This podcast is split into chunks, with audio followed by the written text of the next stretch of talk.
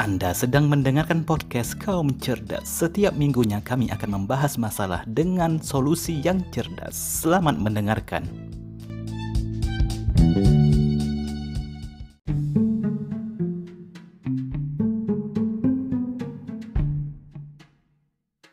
Cara juara tanpa rajin belajar.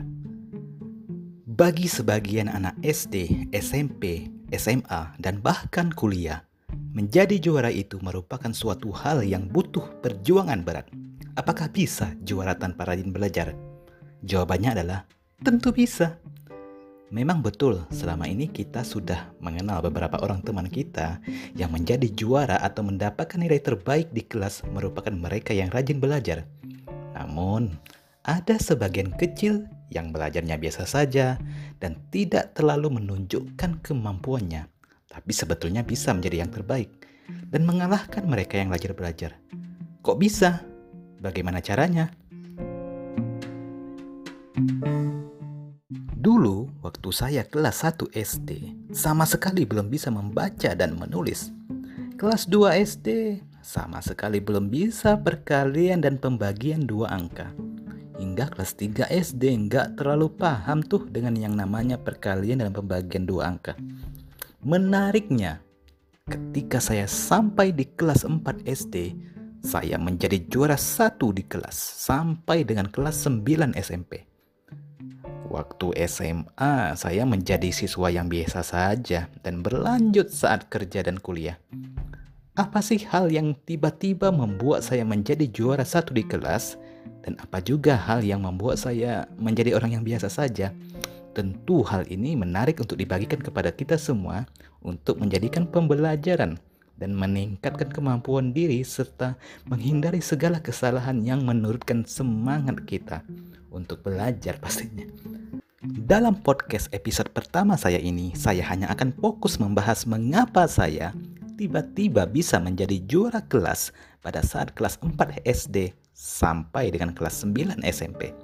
Padahal di awal masuk sekolah, kelas 1 SD, saya dicap sebagai anak bodoh karena tidak bisa membaca dan menulis, apalagi berhitung.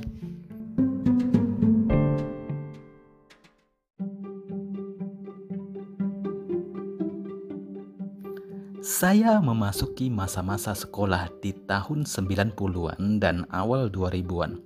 Ini adalah masa-masa generasi emas tanpa gadget bermain bersama teman di luar, pulang dengan kaki yang kotor, bahkan dengan bekas luka, gores, ataupun memar itu sudah biasa.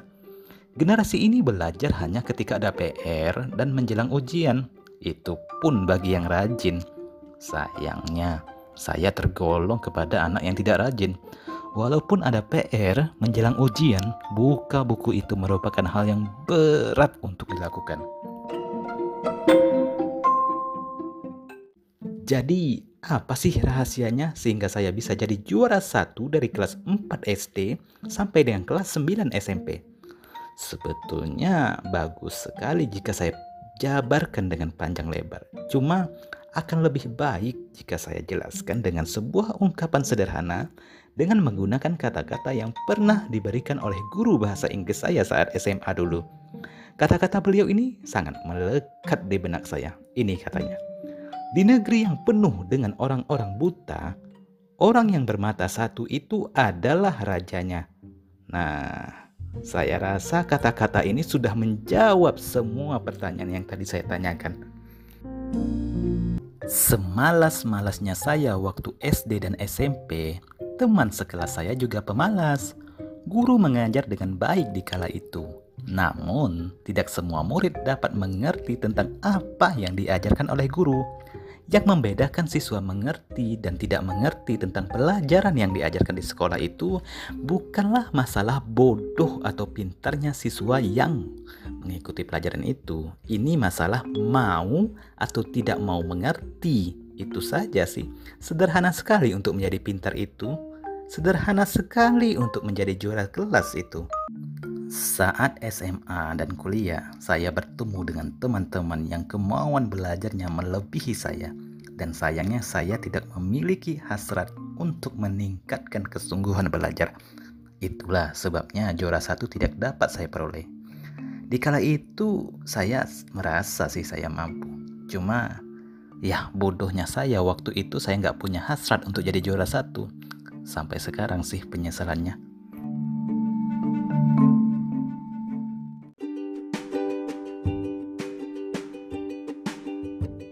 Semoga podcast ini menjadi pelajaran bagi kita semua. Menjadi yang terbaik itu sangat mudah, semudah menjadi yang terburuk. Hanya keputusan kita yang menentukan apa mau menjadi yang terbaik atau mau menjadi yang terburuk. Salam cerdas.